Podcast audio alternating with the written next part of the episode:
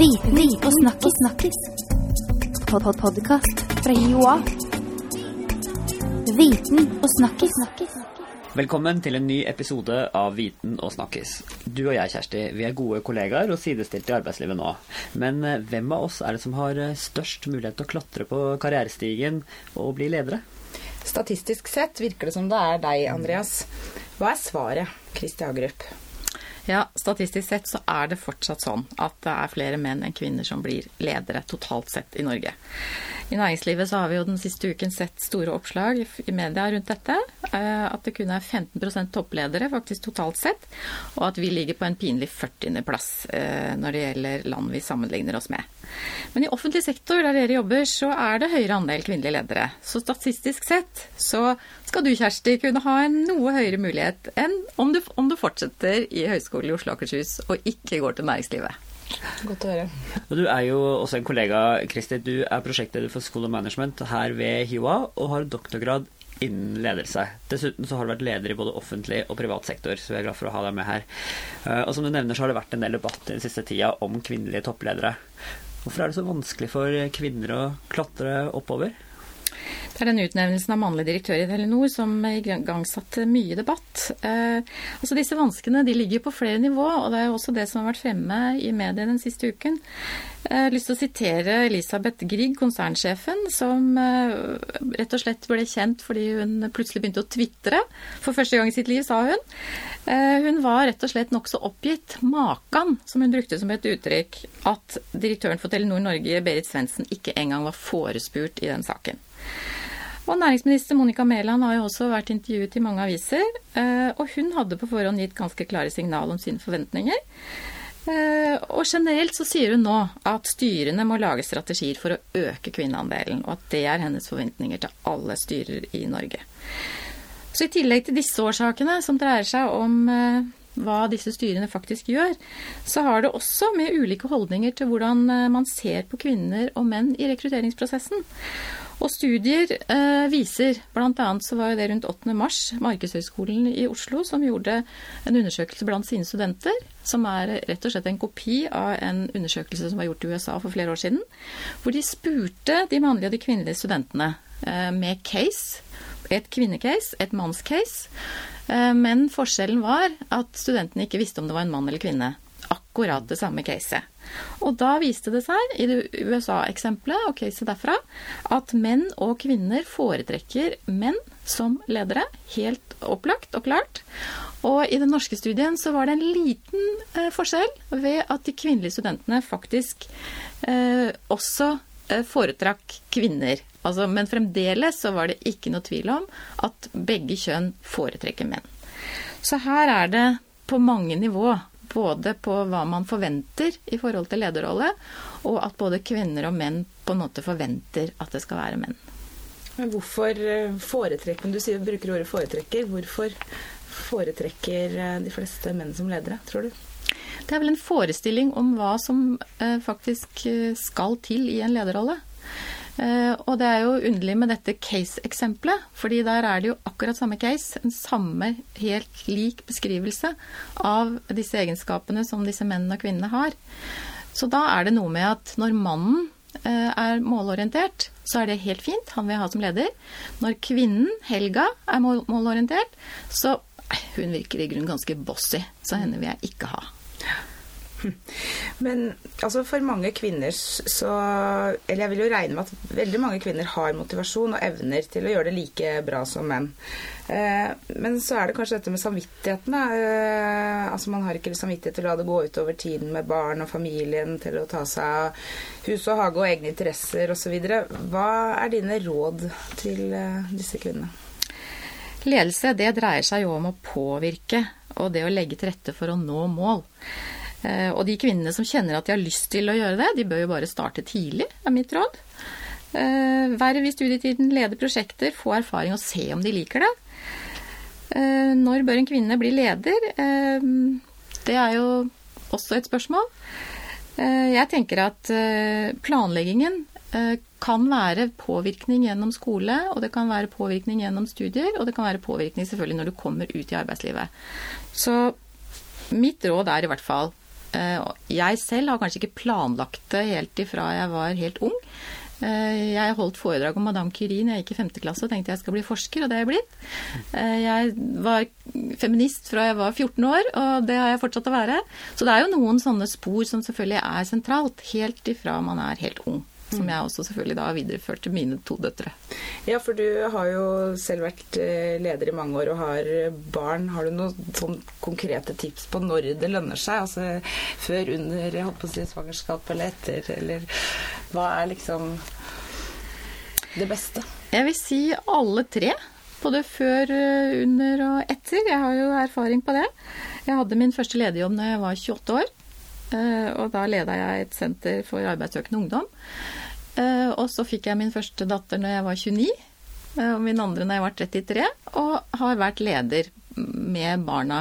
Og det som er viktig selvfølgelig i den fasen, og som det har vært mye rundt akkurat i forhold til det, det er jo at det tilrettelegges. Og i Norge bor vi jo i et land som det nå er fantastisk tilrettelagt for å kombinere i forhold til det at vi har full barnehagedekning.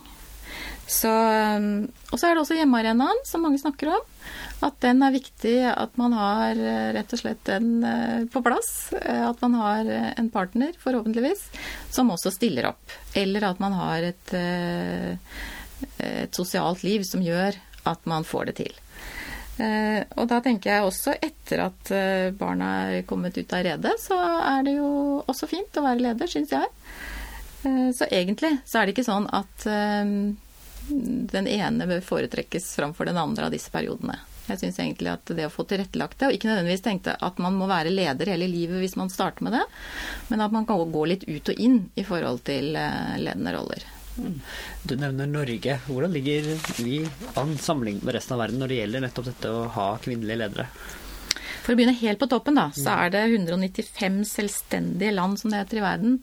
Eh, og det er kun 17 som også har kvinnelig leder, og det har jo vi. Så det er jo fantastisk, og det blir jo lagt merke til.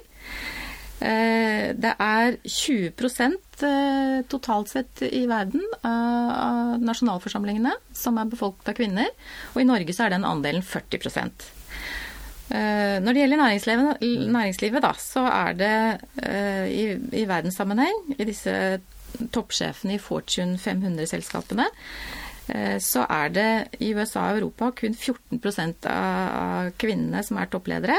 Og det er ingen eh, i disse Fortune-selskapene. Så det, det, er eh, Ja. I Norge så er det altså da kun 3% kvinnelige konsernsjefer. Og dette er tall som jeg har fra 2014. Og så har vi jo de sektorene som vi ved høyskolen utdanner til. School of Management skal jo styrke og videreutvikle lederutdanningene til nettopp disse sektorene. Hvorfor er det viktig? Det er viktig fordi at utdanning i ledelse er helt sentralt for å være godt kvalifisert lederjobber. Eh, og at eh, offentlige virksomheter, bedrifter, blir bedre av god ledelse. Det er jo utgangspunktet for at vi driver utdanning i ledelse. Og for den enkelte som da er leder eller skal bli leder, så er det viktig å kjenne seg faglig trygg i alle de utfordringene som en lederjobb innebærer. Og i forhold til kjønn så er det i hvert fall viktig. Eh, det er jo studier som viser at kvinner når de skal søke jobber, så vil de tilfredsstille 100 av eh, utlysningsteksten, mens menn bare eh, kan respondere på 60, så søker de jobben. Så formell bakgrunn og det å føle seg kvalifisert, det er viktig. Og vi ser jo dette med utdanning for styrer, fordi at vi fikk jo denne loven for en del år siden om at vi skulle ha 40% kjønnskvotering til styrene. Eh, da lå faktisk andelen på mellom 0 og 5% av kvinneandelen i styrene. Så det har jo vært en veldig vellykket satsing som flere land nå ser på Norge i forhold til. Eh, Female Future det er et program som ble iverksatt av NHO i, i 2003. Nettopp som en følge av dette, fordi de ville utdanne flere kvinner i forhold til eh, kunne, at de kunne være kvalifisert for disse styrevervene. Og de har i løpet av disse årene siden da utdannet 1450 kvinner. Eh, dette har vært evaluert av Sintef. Veldig gode resultater. 60 eh, av disse kvinnene som har gått videre i eh, bra karrierer. Og 60% av disse som har blitt utnevnt i disse styrene. Så utdanning er viktig, og utdanning er selvfølgelig sentralt også for School of Management og det vi driver med der. Mm. Mange forbinder eh, toppledere med næringslivet, men nå har jo vi fått høre at eh, kvinner har stor sjanse i offentlig sektor. Men hva er det som kjennetegner en god leder i denne sektoren? Gode ledere de må først og fremst være trygge på seg selv. De må kjenne seg selv godt. Eh, de bør også være gode coacher. Eh, vise interesse for de som de leder, det er helt sentralt. Eh, både suksess og trivsel. Eh, de må selvfølgelig være resultatorienterte. Det er, jo, det er jo snakk om å nå mål, ta initiativ, men også gi myndighet og ikke detaljstyre. Eh, det er viktig også at man hjelper medarbeiderne i karriereutvikling og har et fokus på det som leder. Eh, klare visjoner for det de gjør. At man har misjoner og visjoner i forhold til offentlig sektor er det i hvert fall veldig viktig. Det å ha kunnskap nok til å kunne gi råd også til de ansatte. Og det er en lang liste, som jeg kunne listet opp mange flere ting. Um, og det er forskning bl.a. av Julian Birkinshaw, som har skrevet en bok 'Bli en bedre sjef', hvor han viser til at dette er mange ting som er helt sentrale, og som ny forskning viser, uh, men at det er vanskelig å få til. Det er ikke så lett å gjennomføre, rett og slett. Eh, mange av disse egenskapene som jeg har listet opp, dette med, å, med coaching og dette med å, å være opptatt av eh, medarbeiderne, det er jo egenskaper som vi kanskje forbinder med feminine egenskaper. Eh, som både menn og kvinner har. Eh, men som vi kanskje ofte tenker at kvinner er mer sosialisert til. Mm. Så i forhold til det så tenker jeg at eh, det er veldig behov for den type ledelse som, eh, som kvinner da naturlig er sosialisert til, og som veldig mange menn også sosialiseres til. Mm. Så det med fokus på kjenne seg selv, det å gi til andre, og det å ha essensen i ledelse, som dreier seg om fokus rundt å få til ting sammen med andre, det ja, det er vel viktig som egenskaper i forhold til å være en god leder. Det høres ut som vi får gode råd både på individnivå, kvinner og menn, men også de som skal legge rammene for næringslivet og arbeidslivet. Mm. Så kanskje det er håp for meg allikevel, Andreas? Det tror jeg nok. Takk for at du var med oss, Kristi. Og det er viktig å diskutere disse temaene her. Det er i hvert fall et tema som berører mange. Mm. Du som hører på, kan sjekke ut flere episoder av Viten og snakkes i din eh, podkast-app, eller på vår blogg, eh, som er, har adresse blogg hioa.no viten og snakkes. Viten og snakkes. snakkes. Pod -pod fra HiOA. Viten og snakkes. snakkes.